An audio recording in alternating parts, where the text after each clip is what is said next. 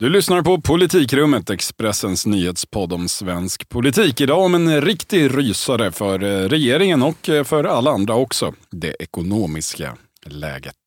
Häng med!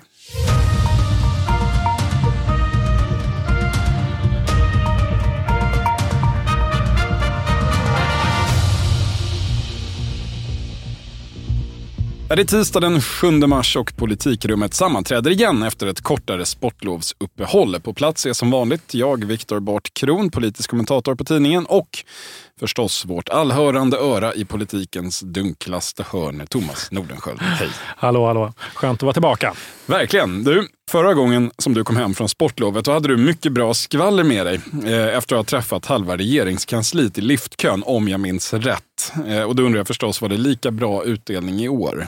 Ja, det var nog bättre utdelning förra året skulle jag säga. Alltså, jag har varit i Lofsdalen som har varit någon form av tillhåll för högt uppsatta socialdemokrater och regeringstjänstemän. Men de är ju opposition nu, och, så det var inte lika spännande på afterskin. Det sägs i och för sig att Ebba Busch var där veckan före, men hon har inte sportlov samma vecka som jag. Och vad Moderaterna är vet jag inte riktigt. Hoppas att det inte är Alperna om man ska ta rygg på dem. Det Nej, riskerar att bli dyrt. Jag såg att Ulf Kristersson, han åkte minsann inte skidor. Han hade ingen sportlov alls var han noga med att påpeka.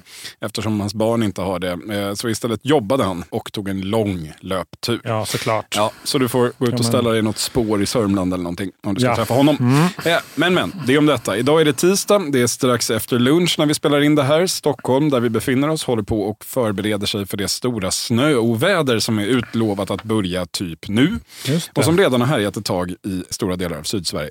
Nu är inte det här en väderpodd, utan idag ska vi faktiskt fokusera på en helt annan typ av oväder som redan är över oss. Lite mer metaforiskt. Ja, eller hur? Men det handlar om det ekonomiska läget då. då och, eh, som ju verkligen har seglat upp på den politiska agendan på ett sätt som det inte gjort på rätt många år nu. Och det, brukar ju, det tenderar ju att betyda dåliga nyheter. Ja, det blir sällan en stor sak när man bara amorterar lite eh, lätt på statsskulden. Men vi har ju pratat ganska länge om, ska vi säga, att det har blivit mycket dyrare. Eh, Det har blivit dyrt att vara svensk, som Mm. Ebba Busch säger.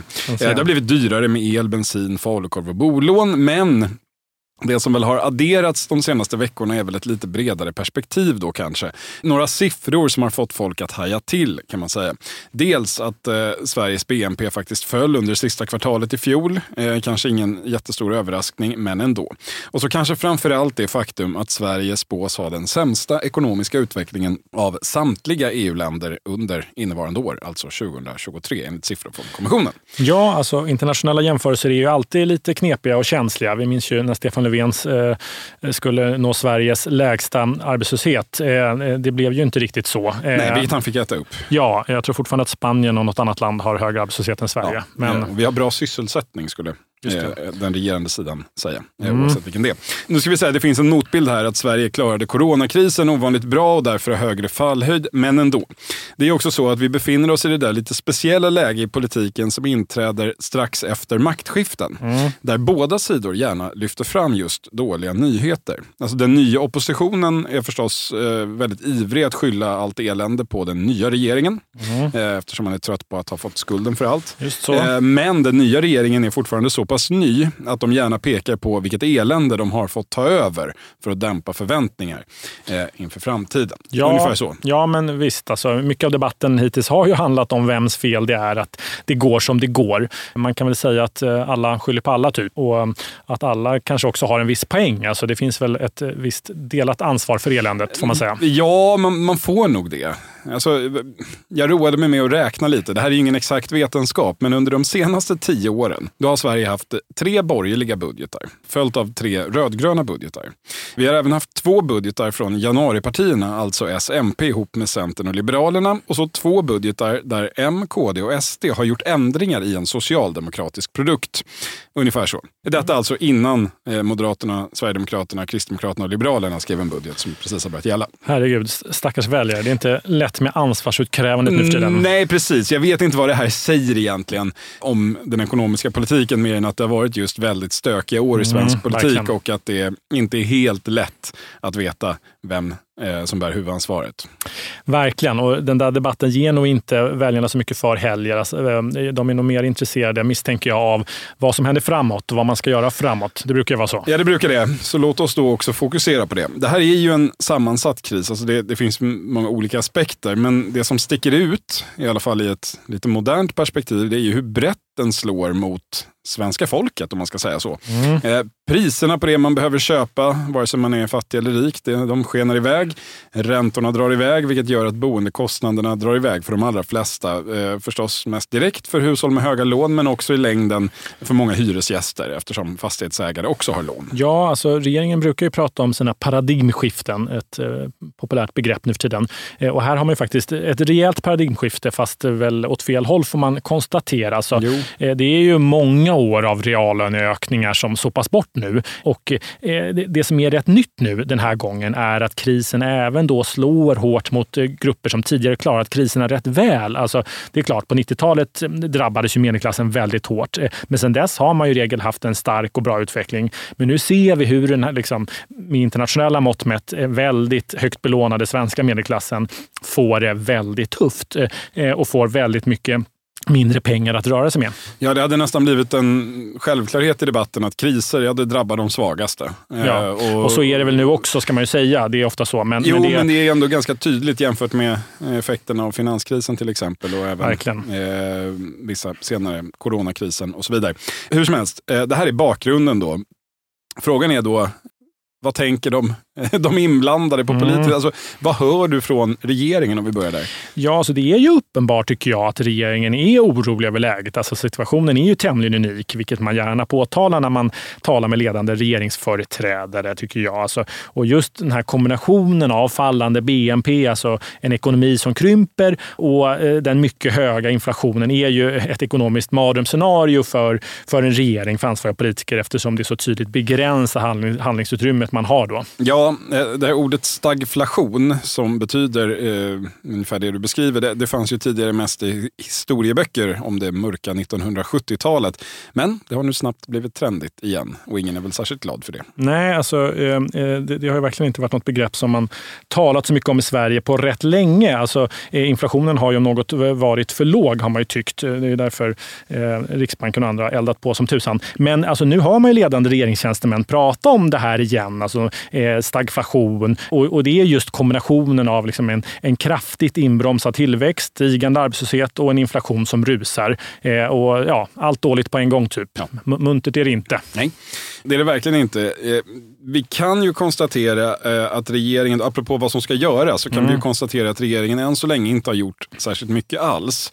Eh, snarare tvärtom då. Mm. Höstbudgeten innehöll inte så värst mycket. Och det var ju också lite grann poängen. Det presenterades i alla fall så. Man, man var livrädda för att spä på inflationen mer eller att den mytomspunna marknaden skulle tycka att man bedrev en oansvarig politik och agerade mm. därefter med räntor och liknande. Vilket just då hade hänt i Storbritannien, eh, vilket föranledde att premiärminister Liz Truss fick avgå efter, var det sex veckor? Eller ja, något i den stilen. Mm. Mm. Men det väcker ju ändå frågan, vad gör man egentligen på finansdepartementet i detta skede som är nuet?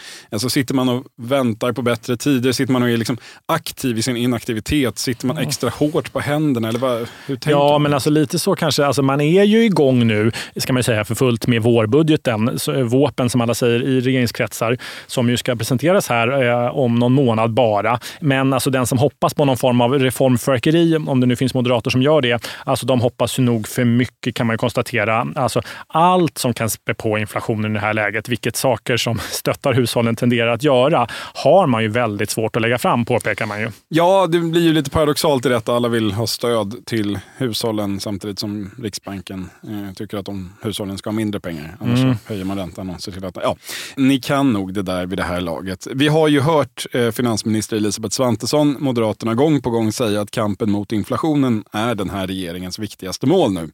Vissa skulle säkert invända att NATO-medlemskapet eh, också är viktigt, men eh, hur som helst, så säger hon. Och det här är ju ett mål som man hittills har ansett sig jobba mot genom att inte göra något särskilt. Möjligen på goda grunder, men ändå. Ja, alltså man är livrädd att göra något som, som då eldar på eh, ekonomin ännu mer och då tvingar Riksbanken att höja räntan mer än vad man redan har gjort eh, eftersom det då eh, kommer slå hårt mot, mot, mot hushållen och eh, helt ta ut effekten av det man vill åstadkomma. Eh, så, så det liksom innebär att allt man gör, om man inte då lyckas hitta någon form av flaskhalsintäkter på 50 miljarder i någon myndighetsbyrålåda som man gjorde. Eh, det var väl i och för sig den förra regeringen som gjorde det. Men de, eh, som med elprisstödet? Ja. ja, exakt så. Men allt man, allt man gör måste vara fullt ut finansierat eller rymmas i liksom det väldigt begränsade reformutrymmet som, som uppstår löpande. Men det är ju just nu också väldigt begränsat till följd av den svaga ekonomiska utvecklingen. Ja, och att enas om finansiering till reformer. Det har ju visat sig vara svårt för många regeringsunderlag, mm. inklusive det nuvarande. Alltså, det är ju alltid lättare att enas om utgifter än om eh, inkomster eller eh, minskade utgifter. Eh, alltså Moderaternas och borgerlighetens traditionellt främsta finansieringskälla eh, det är ju att strama upp ersättningssystemen, alltså eh, snåla in på a-kassa och sjukförsäkring. Ja, det har varit det. Mm. Ja, eh, men den vägen är väl i princip stängd nu på grund av eh, samarbetet med Sverigedemokraterna. Sverigedemokraterna som ju istället drev igenom att den tillfälliga höjningen av a-kassan då permanenterades. Och detta är ju en, en grundplåt i samarbetet. Ja, men så är det det. Och, och med de här förutsättningarna sitter man ju nu och, och, och förhandlar om då både vårbudget och då, eh, eh, höstbudgeten. Och för det arbetet är också igång på finansen och mellan Tidöpartierna. Och eh, det var som en regeringskälla sa till mig, eh, att liksom inget är så svårt som att förhandla fram just finansieringen eh, och, och, just det här med att allt behöver finansieras. Och vi vet mm. ju att både, både Moderaterna och Sverigedemokraterna vill skära mycket mer i biståndet eh, än vad man redan enats om. Men där håller Liberalerna och Kristdemokraterna emot. Och då har vi då också då Sverigedemokraterna Sverigedemokraterna som sagt emot eh, eh, liksom alla nedskärningar av a-kassan, eh, vilket skapar ett visst dilemma. Ja, om jag inte är helt ute och cyklar så är ju de här uppgörelserna kring både bistånd och, och a-kassa då är ju förhandlade i eh, den heliga skriften. Det, det, det. Mm. det, det finns ju redan en plan för hur man ska hantera biståndet i Tidöavtalet. Alltså. Mm. Och det gör ju att eh, det blir väldigt mycket svårare att, att, komma överens om något annat för då behöver man i jo. praktiken börja Nej, men så är det ju. Sen har det ända sedan det där... Med, fundamenten. Ja, ända sedan det där, man kom överens om det där har, man liksom, har det andats någon form av förhoppningar från både moderat och sverigedemokratiskt håll om att man ska kunna göra mer. Men du har helt rätt i det. Jag tror att det, det lär bli svårt. Det var, det var svårt när det fanns ett januariavtal, minns jag, att eh, förändra. För skulle någon börja förändra någonting så skulle, ja, då vet man inte var det slutar. Men man ska ju också tillägga att det inte saknas åtaganden eh, för den här regeringen som kostar mycket pengar som man redan har lovat bort, om man säger så. Alltså den snabba ut utbyggnaden av försvaret till 2% av BNP eh, minst. Eh, mm. Det är ju en sak som sväljer åtskilliga miljarder. Polis och rättsväsende ska också biffas upp rejält. Man ska bygga nya fängelser och ditten och datten. Mm. Dessutom så finns det ju ett hårt tryck från Sverigedemokratiskt håll och från eh, väljarhåll om att eh, följa upp med fler sänkningar av bensinskatten. Vilket lätt blir väldigt dyrt utan att någon blir särskilt nöjd. Vilket är en lärdom från i höstas. Ja, så är det. Det var väldigt eh, lite cred och, och, politisk utdelning för de där 6 miljarderna eller vad det nu kostade eh, när man eh, skulle sänka skatten med, ja, vad blev det, 14 öre på dieseln. Men, eh, och det är uppenbart att, liksom, tycker jag, när man pratar runt att eh, eh, liksom regeringens väldigt försiktiga linje skapar en del frustration i Moderaterna och även övriga Tidöpartier såklart. Men, men ekonomin är ju trots allt Moderaternas hemmaplan och det är väldigt tydligt att höstbudgeten, eh, när den lades fram där i november november, eller när det nu kom, skapade en stor besvikelse i partiet. Alltså efter åtta år opposition så hade man högre förväntningar och alla hade ju hört Elisabeth Svantesson och Ebba Busch och andra stå där i valrörelsen och utlova en massa saker trots en hög inflation. Men helt plötsligt så kunde man inte göra något av det där på grund av samma inflation. Och eh, det, liksom, det blev helt plötsligt styrande för allting som någon moderat jag pratade med konstaterade lite syrligt. Ja, valrörelsen eh, och de stora orden där får man ju ta på sitt eget konto, men man hade ju också lite otur här. Mm. Alltså, att komma efter en regering då som hade att hantera en annan kris eh, med väldigt annorlunda förutsättningar. Du tänker på coronakrisen. Då fanns inte det här problemet med inflationen. Eh, vissa skulle säga att det skapades då, men eh, det bortser vi ifrån nu. Poängen var att då kunde man stå var, varenda vecka och lägga nya extrabudgetar med nya miljardstöd till hushåll och företag ofinansierat. Eh, men det var inget problem. Eh, I alla fall inte där och då. Tiderna har varit goda så länge att det nästan blivit normaliserat att kris det betyder en en, en, andle, en förevändning för politiken att göra av med mer pengar än annars tänkt.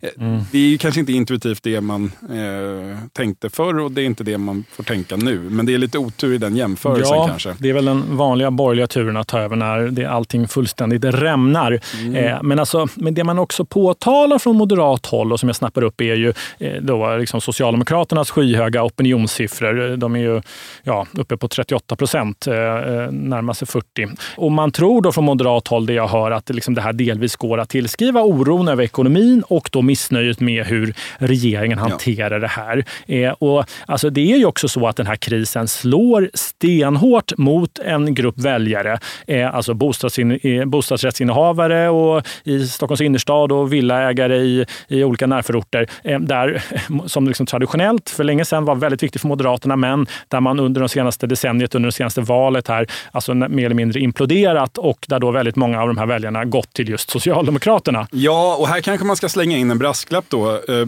vi vet ju inte riktigt hur väljaropinionen i längden kommer att reagera om vi nu går mot ett helt annat ekonomiskt Nej. klimat. Alltså det vi brukar kalla för det nya politiska landskapet, eh, det har ju i hög grad formats under de senaste 10-12 åren. Eh, mestadels väldigt goda år eh, i ett historiskt perspektiv, då mm. ekonomiskt. Centerpartiets valanalys pekade ju faktiskt här för någon vecka sedan ut eh, som ett problem för partiet att man hade pratat så mycket om sina ideologiska värderingar i valrörelsen mm. när folk i allmänhet funderade mer, mer på saker som eh, elräkningar, bensin och andra mer marknära frågor. Verkligen. Nej, men, nej, men så, det, det, är så sant. Och, alltså, och vi vet ju inte heller ska man säga, hur många av de här villaägarna som kommer att vara socialdemokrater även i en, i en lågkonjunktur. Det ska verkligen bli intressant att se tycker jag. Ja, alltså just nu en liten bit in i lågkonjunkturen så verkar ju de flesta och några till vara just socialdemokrater. Men, men helt klart intressant att följa vilka olika eh, förskjutningar man kan tänkas mm, eh, få verkligen. se av detta. Det är långt ifrån säkert. Eh, och det handlar eh, förstås också om vilken typ av politiska svar och lösningar som erbjuds från olika håll. Om det nu kommer några. Vi är specialister på det vi gör, precis som du. Därför försäkrar vi på Swedea bara småföretag, som ditt. För oss är små företag alltid större än stora och vår företagsförsäkring anpassar sig helt efter firmans förutsättningar. Gå in på swedea.se företag och jämför själv. Hej, Synoptik här. Hos oss får du hjälp med att ta hand om din ögonhälsa. Vår synundersökning kan vi upptäcka både synförändringar och tecken på vanliga ögonsjukdomar. Boka tid på synoptik.se.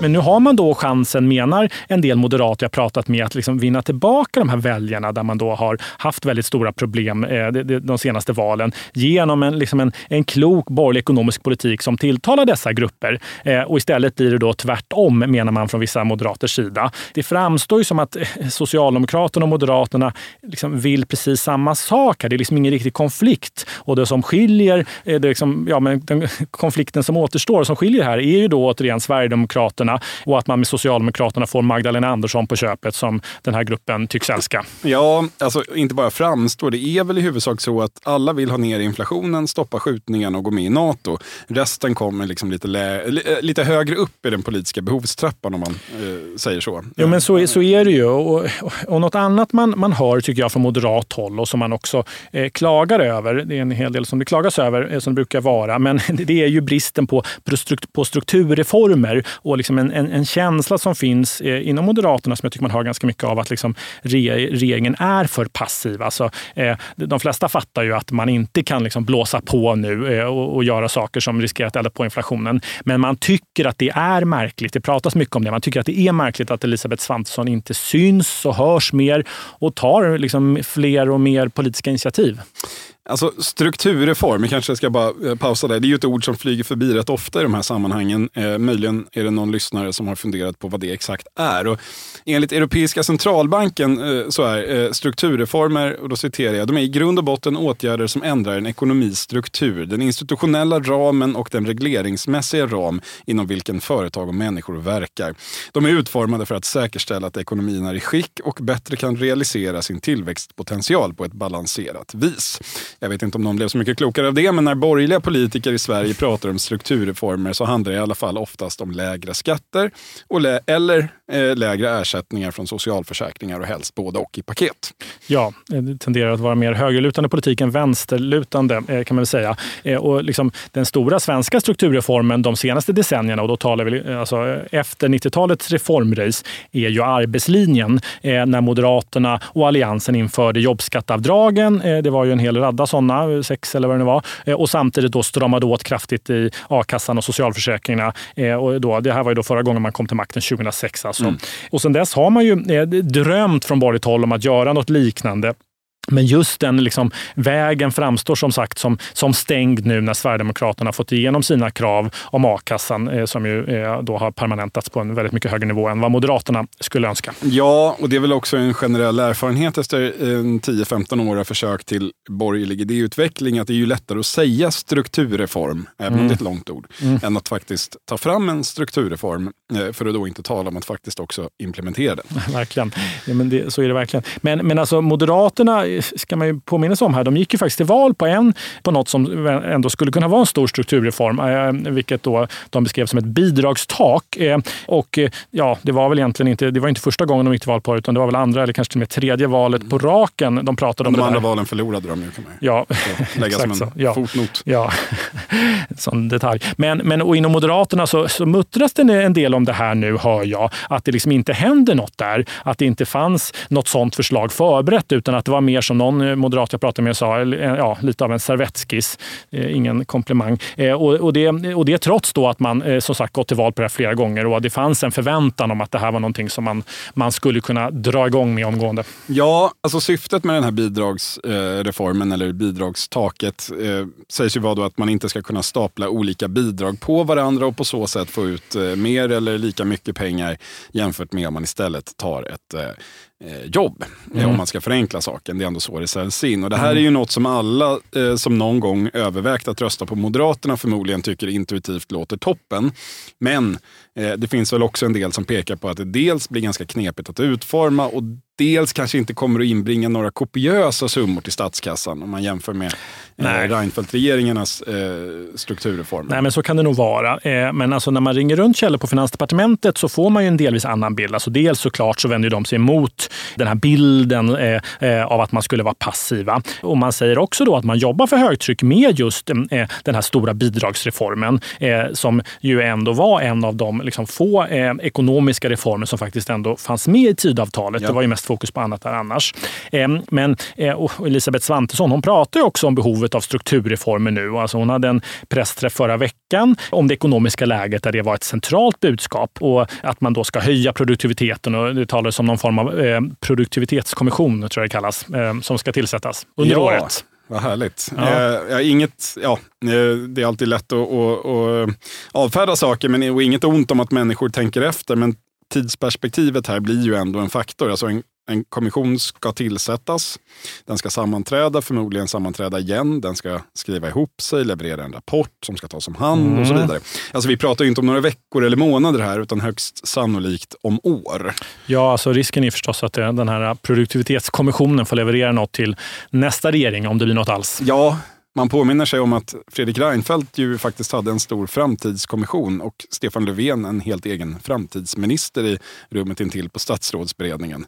Det har ja. funnits en del framåtblickande. Ja, det har kommit och gått en del kommissioner i det här landet genom åren. Jo, eh, men man ska aldrig säga aldrig. Eh, just det här kanske blir en modern motsvarighet till den berömda Lindbeck-kommissionen vars rekommendationer ju anses ha bidragit till att ta Sverige starkt ut ur 1990-talskrisen. Det. Mm. det var ju för övrigt eh, en kommission som tillsattes under borgerligt styre och vars politik fick genomslag under den följande socialdemokratiska regeringen. Ja, det vore ju faktiskt lite ironiskt om det blev så igen. Jo, eh, nu ska vi inte sväva iväg för långt, men apropå det här, alltså, hur tänker då den eh, ja, ändå för närvarande oppositionen, det vill säga Socialdemokraterna i det här läget? Vad hör du därifrån?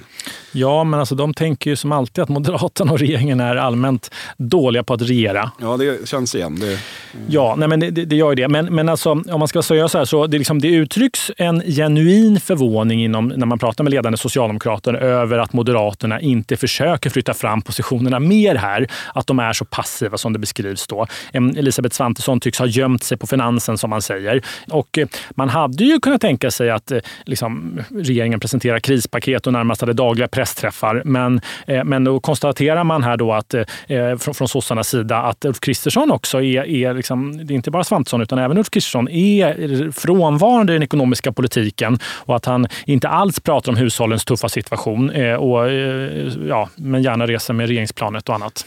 Just det. Men då infinner sig förstås frågan, om man nu ska ha dagliga pressträffar, om Socialdemokraterna tänker sig att de skulle haft det, vad, vad skulle de själva gjort? Alltså vad, ja. vad, vad, finns det för verktygslåda tillgänglig för dem som, som då inte finns för, för den sittande regeringen? Ja, en ledande socialdemokrat jag pratade med eh, pratade nostalgiskt om hur Göran Persson hade skällt ut någon riksbankschef. Det måste väl varit Stefan Ingves med tanke på hur länge han satt det, för att han höjde räntan och så, så mycket och, och det slog så hårt mot folks ekonomi. Eh, vi får väl se om eh, Magdalena Andersson vågar sig på något liknande. Jag tror nog inte det, hur mycket hon än inspirerats av Göran Persson. Det är, eh, det är väl alltid också ett, det vanskligt. Det blir lite som när Anders Borg eh, blev, skällde på bankerna en gång i veckan utan att bankerna gjorde något särskilt åt det. Kanske. Ja, men precis. Eh, men, men alltså det jag hör är, annars är ju att, att Socialdemokraterna ser Moderaternas väldigt försiktiga och låga profil som en, som en politisk möjlighet att göra ännu mer då, en, och en, eller ännu större inbrytningar i medelklassen bland de här väljargrupperna där man ändå haft en del och ganska stora framgångar de senaste valen. Och att man nu också förbereder någon form av åtgärder, paket som man ska presentera inom kort. Eh, vi får väl se hur omfattande och detaljerat det där blir. Ja, Men något jobbar man med, får ja, jag höra. På ett sätt är det förstås tacksamt att vara opposition i det här läget. Eh, jo, men å andra sidan så möter ju ett ja, ett, ett, en seriös opposition möter ju samma problem som regeringen när man ska utforma krispaket mm. utan att elda på ja, inflationen ännu mer. Man ska dessutom i Socialdemokraternas fall ha något att säga till hela sin eh, mycket breda väljarkoalition från LO-folket på landsbygden till eh, de nya Hanna och Amandorna på Östermalm. Mm. Det blir en policymässig utmaning i den högre skolan även för dem, får man ju säga. Ja, så är det. I alla fall om man ska presentera konkret politik. Det gjorde inte Socialdemokraterna så mycket inför valet, men nu kanske man måste göra det. Men alltså, det är väl som i alla väder numera så anser man ju inom Socialdemokraterna att deras bästa och främsta vapen är Magdalena Andersson. Eh, fram med henne så är man hemma typ. Vi får väl se. Ja, ja. det har ju varit lite så i alla fall. Ja, det har det. Men alltså, det finns ju i allt, i allt det här ändå en viss samstämmighet i analysen, tycker jag, eh, som man kan snappa upp som, som görs i både då de moderata leden och inom den socialdemokratiska partiledningen. Och det handlar ju om vad man uppfattar vara lite av en moderat walkover, alltså, eh, och, och, i den ekonomiska politiken och Elisabeth Svantessons osynlighet. Ja, eh, så är det. det är ju sant att hon inte har synts så mycket. Å andra sidan kan man ju fråga sig hur mycket av detta som är en frukt av hur den här regeringen faktiskt är byggd och på vad den är byggd. Alltså man mm. brukar prata om den klassiska maktaxeln mm. statsminister, finansminister. Just så, eh, Borg, Reinfeldt. Mm. Ja, eh, till exempel. Mm. Till exempel, med många flera. Eh, Erlander, Sträng eller ja. vad man skulle... Eh, Listan kan göras lång. Vrider tillbaka. Nej, men om man tänker på vad den här regeringen är vald på och mm. vad som är kärnan i deras samarbete så kan man fråga sig om det verkligen är där den stora maktaxeln finns i regeringen. Eller är det snarare så att den, eh, att den går mellan eh, statsministerns kansli och justitiedepartementet. I och med mm. att eh, rättspolitiken och migrationspolitiken är helt centrala teman eh, för den här regeringen politiskt och i det mm. program de nu har satt sig för att genomföra. Finansministerns roll i det är inte helt eh, glasklar. Gunnar Strömmer är kanske motsvarande finansministern i en ja. klassisk regering, om man vill se det så. Ja. Alltså, jo, men verkligen. Sen från moderat håll så, så försöker man ju liksom beskriva det som att det är någon form av makttrio som styr regeringens arbete då med Ulf Kristersson, Gunnar Strömmer och Elisabeth Svantesson. Eller är det Erik Thedéen? Han är ju trots allt gammal moderat statssekreterare, numera eh, riksbankschef. Det är ju eh, han har ju klivit fram som, som en, eh, en, mer aktiv nyckelspelare i den svenska ja. ekonomiska politiken. Verkligen. Han var ju med Om än från sin pos position som riksbankschef. Verkligen. Han var med i Ekots lördagsintervju i helgen och, och, pratade där om den här typen av strukturreformer som en regering kan och kanske borde genomföra i det här läget som då inte spär på inflationen. Och då eh, handlar det bland annat om att förbättra matchningen på arbetsmarknaden och annat som han då pratade om. Eh, sen kan man väl kanske säga här också till Svantessons försvar svar att det inte bara hon som inte syns så mycket. Arbetsmarknadsminister Johan Persson känns ju inte heller särskilt synlig i de här frågorna som handlar om arbetsmarknad i alla fall. Han eh, bakade ju pizza på ett uppmärksammat studiebesök. Vad begär du egentligen? Ja, det är sant. Hej, Susanne Axel här. När du gör som jag och listar dig på en av Krys vårdcentraler får du en fast läkarkontakt som kan din sjukdomshistoria. Du får träffa erfarna specialister, tillgång till lättakuten och så kan du chatta med vårdpersonalen. Så gör ditt viktigaste val idag, lista dig hos Kry.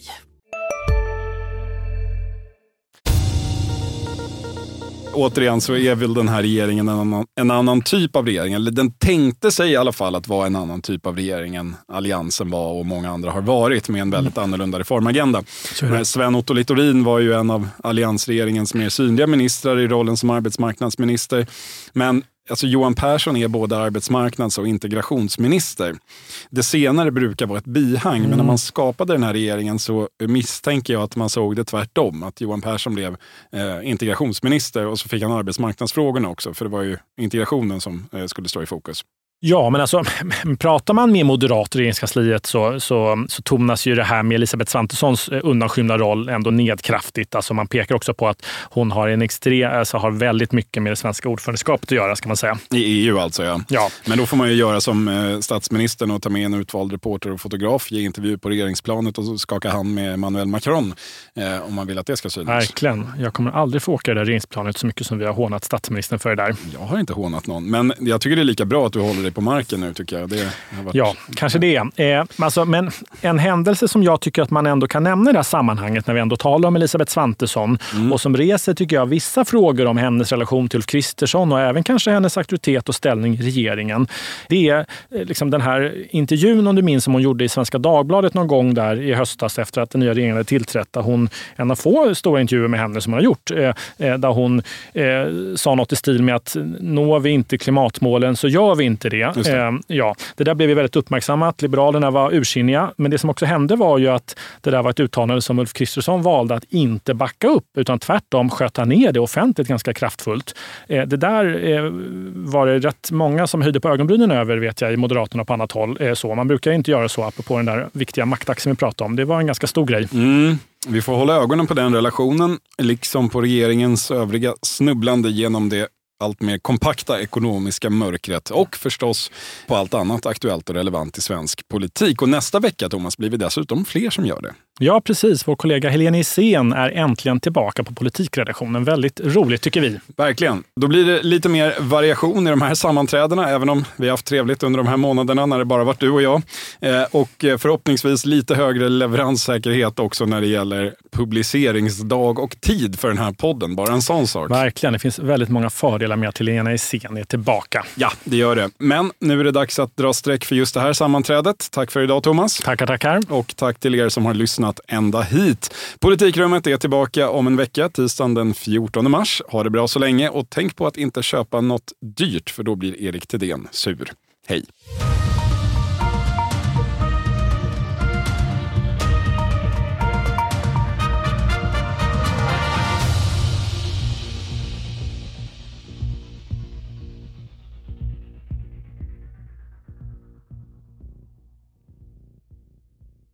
Du har lyssnat på en podcast från Expressen. Ansvarig utgivare Klas Granström